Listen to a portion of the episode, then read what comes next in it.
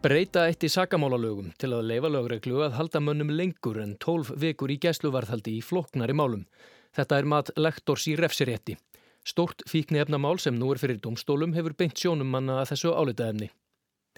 Ákjert var í málunu í lok ágúst. Þrýr eru í ákjörunni sagaður um að hafa framleitt 8,5 kíló af amfetamíni í sömarbústað í borgarfyrði. Þeir, auk þrekja til viðbótar, eru líka ákjærðir fyrir stórfelda kannabisaræktun í útihúsi í Þykvabæ. Þremenningarnir sem eru ákjærðir fyrir amfetamínframleiðsluna geta átt mjög þunga dóma yfir höfði sér. Aðeins einu sinni áður hefur amfetamínframleiðsla komið til kasta íslenskra domstóla. Þá fengu sakborningarnir tveir, 8 og 10 ára fangilsistóma og mennirnir í nýjamálunu eru yngir nýgraðingar í afbrótum, að minnstakost ekki allir. Tveir þeirra, Alvar Óskarsson og Einar Jökull Einarsson, fengu sjö og níu og hálfsárs dóm fyrir að smigla tögum kílóa fíkniefnum með skútu til fáskurúðsfjörðar í svokölluðu pólstjörnumáli fyrir rúmum áratög. Gæsluvarðhaldsúrskurðir í nýjamálinu, sem voru byrtir í vikunni að beðinni fréttastofu, varpa ljósi á hversu mikið mennirnir lögðu á sig við að hilja slóð sína ógu vítt og breytum höfuborgarsvæðið og skiptu ítrekkaðum bíla, alltaf með lögregluna á hælunum, hvort sem þeir vissu það eða ekki. Og mennirnir er ekki bara grunaður um fíknefnaframleyslu. Annar hlutir ansóknarinnar snýrað peningaþvætti í tengslum við hina brotastarfsemina. Karl Steinar Valsson, yfirmaður rannsóknardeldar lauruglunar á höfuborgarsvæðinu, sagði við fréttastofu í byrjunum ánadar að laurugla hefði lagt halda á og kyrsett, fasteignir, bíla og fjármunni fyrir hátt í 100 miljónir króna sem leiði þeirri rannsókn og að hún var í langt komin. En henni var ekki lokið um mánadamót. Engu að síður var gefin út ákera í málinu, bara fyrir fíknefnaframleiðsluna. Þetta gagnrýndu verjendur sakborninga harðilega við þingfestingu ákjærunar á þriðudag. Ef að rannsókn er ekki full unnin þá verður þú bara að leika eftir reglunum leysa menn úr haldi og gefa þú út ákjæru síðan meir. Sagði Stefan Karl Kristjánsson, verjandi Alvars Óskarssonar. Það sem Stefan á við er að lögregla má ekki halda mönnum í gæsluvarðhaldi lengur en í 12 vikur frá handtöku, án þess að gefa út ákjæru. Nefna hægt sé að sína domstólum fram á að brínir rannsóknarhagsmunur séu enn til staðar sem getur verið erfitt þegar svo langt er leiðið á rannsóknina. Þessar tólf vikur voru liðnar í lok ágúst. Verjendurnir telja hins vegar að skjólstæðingar þeirra eigi rétt á að réttað sé yfir þeim fyrir allt í einu. Peningaþvættisrannsóknin sé ekki klófin frá fíknefnamálunu. Við getum sagt að, að, að það sé ákveðin líka megiregla að menn eigi rétt á því að vera ákjærðir fyrir þau brót sem eru til rannsóknar í einu og sama málunum þannig menn séu ekki að berjast á ef við orðum það þannig á mörgum vikstöðum. Segir Jón Þór Ólason, lektor í refsirétti sem hefur líka starfað að bæði saksókn og vörn sakamanna fyrir dómi. Þessi meginregla stangist hins vegar stundum á við aðra meginreglu um að rannsókn og saksókn mála skuli flýta sem kostur er. Það er jú algengt að dómar séu til dæmis mildaðir ef mál dragast óþarflega á langin en það getur það líka bitnað á sakbortningum. Stundum geti lögregla metið þessum svo að það sé auðveldar að gefa bara út ákæru í afmörkuðum þætti málsins en að reynað sannfara dómara um að enn geti sakbortningurinn spilt fyrir rannsókn. Og það skal tekið fram að enn getur lögregla lokið rannsókn peningaþvættismálsins fyrir réttarhöldin í fíknefnamálunu og hugsanlega mætti þá sameina málinn fyrir dómi. Nú er í, í, í þessu tiltakna máli sem hefur verið til umfjölduna síðustu daga, þar, þar halda verðindur því fram að, að lögreglan sé að og, og, og ákjöruvaldi sé að kljúa málið í sundur gangjart til þess að halda sakbortningum í gæstuvarðhaldi. Tilur að það geti verið rétt og er það eðlilegt? Já, við getum sagt það svo að í sakamálögunum eru mjög strángar reglur til að myndum gæstuvarðhald og það er eiga að vera mjög strángar. Og eina af þeim reglum er til að mynda að gæstuvarðhald standa ekki lengur í tól vikur og það er aukstöld með þeim hætti að með því sé aðhald, virt aðhald bæði á eh, rannsók lögreglu og svo útgáfu ákjörðu eða saksóknar. Þannig að það eru mjög eðlileg viðmið. Hins vegar er þetta tólvikna tímabil, þessar tólvikur, henda oft mjög illa í flóknari málum. Segir Jón Þór og víkur talinu almennt að stórum fíknefnamálum sem hafa mögulega líka aðra ánga að þá er eðlilegt að, að til að mynda að rannsókn uh, fíknefnabrótan taki skemmri tíma og þau verði full rannsökuð mun fyrr Síðan er aðrir þættir sem að hugsanlega tengjast, peningaþvætti eða eftir aðtökum öðrum brotum, eru eðli málsins samkvæmt lengur í rannsókn og taka oft mjög lengri tíma heldur en 12 vikur. Þannig ég vil nú meina það að, að það ættu rauninni að eh, umskrifa vissuleiti 1950 grein sakamálagana þannig með þeim hætti að það væri að finna heimild það sem væri hins vegar nákvæmlega skilgreynd í hvaða tilvikum það væri und að fara lengur enn þennan 12 vikna frest. Segir Jón Þór Ólafsson, rektor í refsirétti.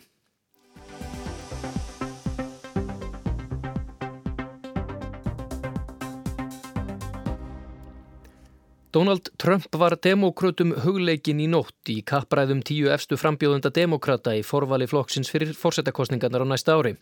Spjótin beindust líka að Joe Biden sem enn leiðir baráttuna en Elizabeth Warren og Bernie Sanders fylgja fast á hæla hans.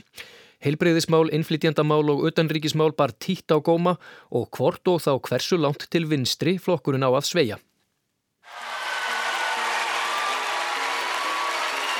Kappræðnar í Texas í nótt voru þær þriðju í röðinni en í fyrsta sinn voru tíu helstu frambjöðandur flokksinn samankomnir á sviðinu. Frambjóðendurnir skutu grimt hver á annan í þrjá klukkutíma en Donald Trump var þeim hugleikinn. Öldungadeildar þingmaðurinn Cory Booker sagði að Trump væri rasisti. Öldungadeildar þingmaðurinn Amy Klobuchar sagði hann stjórna landinu eins og raunveruleika sjónvarpi með ligum í stað þess að leiða þjóðina. Og Kamala Harris sagði Trump um að dreifa hatri, hótunum og óta. We know Donald Trump's a racist, but there is no red bag of courage for calling him that. Houston, we have a problem. This, we have a guy there that is literally running our country like a game show. He would rather lie than lead. President Trump, you've spent the last two and a half years full time trying to sow hate and division among us. As, and that is why we've got nothing done. You have used hate, intimidation, fear, and over 12,000 lies as a way to distract from your failed policies and your broken promises. Augljóst er að frambjöðandunir eru ekki á einu málu um hvort hverfa á til fyrri baráttumála og baráttu aðferða eða hvort fórseta tíð Donalds Trumps kalli á nýja og rótækari nálgun. Heilbriðismálinn fengu góðan tíma í upphafi umræðnana í nótt og þar síndist sitt hverjum.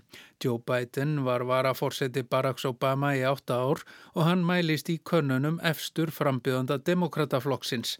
Hann baðaði sig í ljóma Obama og sakaði aðra frambjöðandur um að lofa öllum bandaríkjamannum heilbreyðistjónustu. Það veri dýrt og þeiti skattahækkun á millistjettina. Hann skaut á helsta keppinautsinn Elizabeth Warren, sagði að hún fyldi Bernie Sanders, sjálfur fyldan Obama. Joe Biden og Bernie Sanders tókust hart á í nótt. They're going to give back that money to the employee? Matter of fact, they will. Well, let me tell you something. For a socialist, you got you, for a socialist, you got a lot more confidence in corporate America than I do. You got to defend the fact that today, not only do we have 87 million people uninsured and underinsured, you got to defend the fact that 500,000 Americans are going bankrupt. You know why they're going bankrupt? Because they suffered a terrible disease.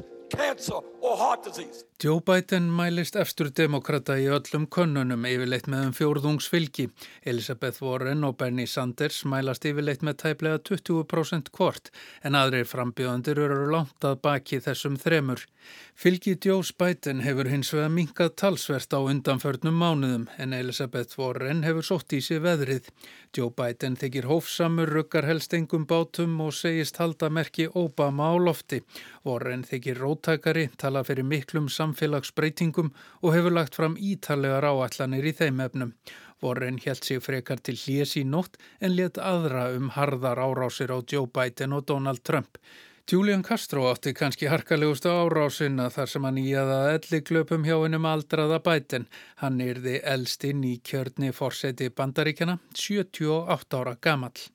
Barack Obama's vision was not to leave 10 million people uncovered. They, he wanted every single person in this country covered. My plan would do that. Your plan would they not. They do not have to buy in. They do not have to buy in. You just said that. You just said that two minutes ago. You just said two minutes ago that they would have to buy in. You said they would have to buy in. to buy in. If she uh, qualifies are, for are you forgetting what you said two minutes ago? be in for it. Are you forgetting already what you said just two minutes ago? Bernie Sanders var líka í baráttuham og riðist harkalega að Joe Biden. Sanders gaggrindi Biden fyrir stuðningin við Írakstríðið sem Sanders var andsnúin alla tíð. Hann sagði Írakstríðið hrikaleg mistök sem síndi reygin mun á þeim tveimur. Sjálfur hefði Sanders aldrei trúað leigonum í Cheney og Bush ólíkt Joe Biden. Bissuegn bar einni á góma og þar var Bito og Rúrk þingmaður Texas afdráttar laus. Innkalla verði öll hernaðarvopn, vopn sem eiga aðeins heima í stríði. When we see that being used against children, and in Odessa, I met the mother of a 15 year old girl who was shot by an AR 15. Mm-hmm. And that mother watched her bleed to death over the course of an hour because so many other people were shot by that AR 15 in Odessa and Midland. There weren't enough ambulances to get to them in time. Hell yes, we're going to take your AR 15, your AK 47. We're not going to allow it to be used against our fellow Americans anymore. Frumkvöðlinn Andrew Young átti líklega óvæntasta útspilið þegar hann tilkynnti að tíu fjölskyldur fengju 1000 dollara á mánuði næsta árið. Fólk þyrti bara að skrá sig á heimasíðu frambóðsins en þetta liður í kynningarherferð hans. Pete Buttigieg fjallaði um ákvörðun sína um að koma út úr skápnum sem samkynnegður árið 2015, nokkuð sem hefði þótt óhugsandi á frambóðsfundi fyrir örfáum árum. Hann sagðist hafa treyst kjósendum og þeir hefðu treyst honum. Þrátt fyrir að hart væri tekist á nefndum margir eins og Amy Klobuchar að það væri mun fleira sem samenaði þá en sundraði þeim. I believe that what unites us up here, the 10 of us, is much stronger than what divides us. And I think that's true of our country too. Það er ljóst að það er fyrst og fremst eitt sem saminar demokrataða þessu sinni og það er anduðin á Donald Trump. Hann bar marg ítrekkað á góma í umræðinni í nótt. Undir lok kapraðnanna sagði Kamala Harris að nú geti Donald Trump farið og hort á Fox News. And now, President Trump, you can go back to watching Fox News.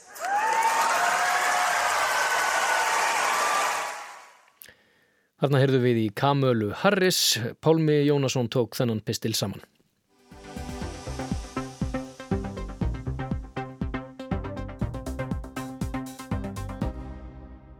Útlit er fyrir breytingar á lánasjóði íslenskara námsmanna. Í júli var sett í samráðskatt stjórnvalda frumvarpum stuðningssjóð íslenskara námsmanna sem á að koma í stað lín. Helstu breytingar sem þar á að gera auknafna breytingarnar er að ljúkilán þegar prófi innan tilgrins tíma verið 30% af lánið er að feld niður, styrkur verði veittu til framfæslu badnalán þegar og lán skuli ávalt að fullu greitt þegar þeir eru 65 ára. Þeir sem ljúka námi fyrir 35 ára geti valið hvort endugreislur séu tekjutengdar eins og nú er eða þeir greiði með jöfnum greislum sem verður þá reglan fyrir þá eldri. Sýnist sitt hverjum um breytingarnar og má nefna að starfsmenn lánasjóðsins er ekki sáttir við breytt nafn og skamstöfun úr lín í sín. Fulltrúar stúdenta telja ákvæði um vakstakjör eins og þau eru nú í frumvarpinu varhuga verð. Umsóknum um lán hjá lín hefur fækkað mikið undan farin ár á sama tíma stúdentum hefur fjölkað. Jóna Þórei Pétursdóttir, forseti stúdendaráðs Háskóla Íslands, segir að það borgi sig ekki fyrir námsmenn að taka lán lengur. Grunnframfræslan er það lág sem er svo, svo uppæð sem að nemyndur fá í lán á mánuði. Hún er það lág að stúdendar get ekki framfleitt sér á þessu og þeir þurfa að leita á önnur mið, annarkvort í bakland eða að vinna með námi. Þrátt fyrir þetta fjölgar námsmennum? Við fáum uh, í rauninni sagt, mestar svona ábendingar um það að nám sé þungt, uh, það er 100% vinna en þau þurfa að framfleyta sér á meðan og þurfi þar að leiðandi að vinna með. Svo að stúdendar eru í yfir 100% vinnu af því að þau geta síðan ekki tekið lánið hjá sjónum af því að þau eru búin að vinna sér inn of mikið þannig að lánið er að skerðist af því að frítökjumarkið er lágt og það endar í rauninni þannig að þau komast aldrei inn á lánasjóðsmarkaðinu við getum orðað að þannig. Því að þú byrjar á því að reyna að vinna með námi og, og sleppa því að kom, vera sérstaklega lánþegi hjá sjónum þá endar þetta þannig að þú kemst aldrei í, í það að vera með nógu lágar tekjur til þess að, að geta tekið lánið. Samt hafa menn löngum talað um það að námslánin hafi verið hagstæði lán.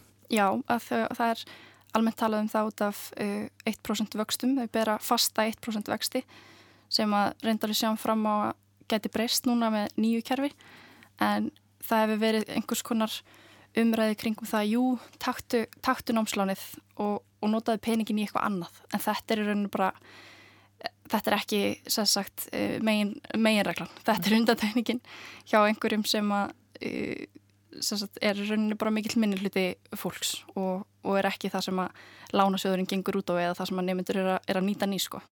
Hlutfall ungsfólk sem býr enn í foreldrahúsum hér langt fram að 30 er mun hærra en annar staðar á Norðurlöndum og Jóna Þóri segir það sé stöðu bara að fá fleiri stúdentaýbúðir. Til þess að stúdentar geti bæði búið grönd við háskólasamfélagið og, og staðið sjálfstætt, orðið fullari fólk þegar það kemst í háskólanám. Um, hvort það kemur á undan að að flytja út eða, eða hvað er ástæðan getur við í rauninni ekki sagt nákvæmlega fyrir en hérna gallin líka við uh, lánasöðun eins og hann er núna og framfæsluna sem að er fyrir einstakling í uh, leiguhúsnaði þá fær hann í kringum 184 krónur óskert í lán á mánuði. Og svo framfæsla reiknast þannig að, að það er gert ráðferði að viðkomanda sé í stúdendæbúð Stúdentýbúðir eru rauninni bara í bóði fyrir um það byrj 10% stúdenta til dæmis í HÍ svo að það er rangur reikningur að gera ráð fyrir því að það séu allir í stúdentýbúðum. En þetta eru, er raunin hjá lánasjónum uh, og við erum í rauninni alltaf berjast fyrir að breyta því og, og grunnframfæslan hækki og frítekjumarkið hækki þannig að það sé ekki alltaf verið að skerða lánin sem fólk fær. En eins og ég segi, ég, það er erfitt að segja til um, um þetta að fólk, hvort að fólk sé bara meira heima og komist þannig í gegnum þetta án þess að hérna, nýta sér lánasjóðin. Lánasjóðurinn og skilgrind hlutverk hans er jöfnunasjóður, félagslega jöfnunasjóður. Það eiga allir sem vilja að geta sótt nám, ekki bara þeir sem hafa gott bakland. Mm. Og það þarf að breyta því. Nú er standa fyrir þeirri mikla breytingar á sjóðunum samt. Það er búið að hérna, kynna drauga frumvarfi um, um það sem á ekki lengur að heita lánasjóður íslenskar námsmanna, heldur stuðningssjóður íslenskar námsmanna. Hvernig líst ykkur á þær breytingar sem það eru ráðgerðar? Það eru ákveðin atriði sem að uh, við setjum mjög mikinn varnaglá og viljum í rauninni ekki segja að nýtt kerfi gagnist lánþegum betur nemað þessum hlutum sé breytt. Það þarf til dæmis að gæta því að vaksta fyrirkomulegð eins og nýtt frumarp er í dag uh, gangi ekki í gegn á þingi. Það þarf að, að því að vextinnir eiga að verða breytilegir með nýju frumarpi, þeir eiga að hækka og uh, það er ófyrirsjánlegt fyrir námsmenn og það kemur vest niður á þeim sem að hafa hvað hæstu greiðslubyrði sem að þurfa þá mest á lánum halda. En uh, það að fella lán niður í lok námstíma sem er þessi styrkur sem við talaðum að felli láni niður um, um 30% eða klára réttum tíma. Það er í rauninni að finna góða. Uh, við viljum sjá það að halda sér en við setjum í rauninni alveg stóra fyrirvara við ímisatriði í frumvarpinu og þá kannski sérstaklega vextina. Eh, það er ekkert vaksta þak í frumvarpinu. Það er í rauninni bara þannig að ef að vextir á verðtriðum lánum eh, verða 4% og vextir á óverðtriðum lánum verða 9% þá skal ráð þeirra kalla saman nefnd sem á að fara yfir málið og það er mjög óskýrt hvað hlutverk nefndin hefur. Eh, auk þess eru eins og ég sagði þeir eru breytilegir og ef að þetta gengur í gegn þá verða þeir alveg staðfest hærri en 1% sem að þeir hafa verið núna. Að stuðningu við námsmenn á námstímanum er í rauninni engin tilviðbúta við það sem er núna. Þannig að það þarf að gæta þessa nýstjórn eða stjórn stuðningssjóðsins ef að það nafn fær að standa eh, geri eitthvað til þess að, að framfæsla námsmanna á námstíma verði þannig að þú getur raunverulega framfleitt sér í námi og þurfu ekki að vinna með og að því að vinna með námi er bara að gera það verkum fólk stendur sér verð, það hefur minni tími ástunda námið og námsframvindan er þannig ekki tryggð sem þýðir ef þú nærði ekki námsframvindinu þá færði engan styrk og endar bara á 100% láni með herri vöxtum. Segði Jóna Þórei Pétursdóttir, fórseti Stúdendaráðs Háskóla Íslands. Anna Kristín Jónsdóttir talaði við hana.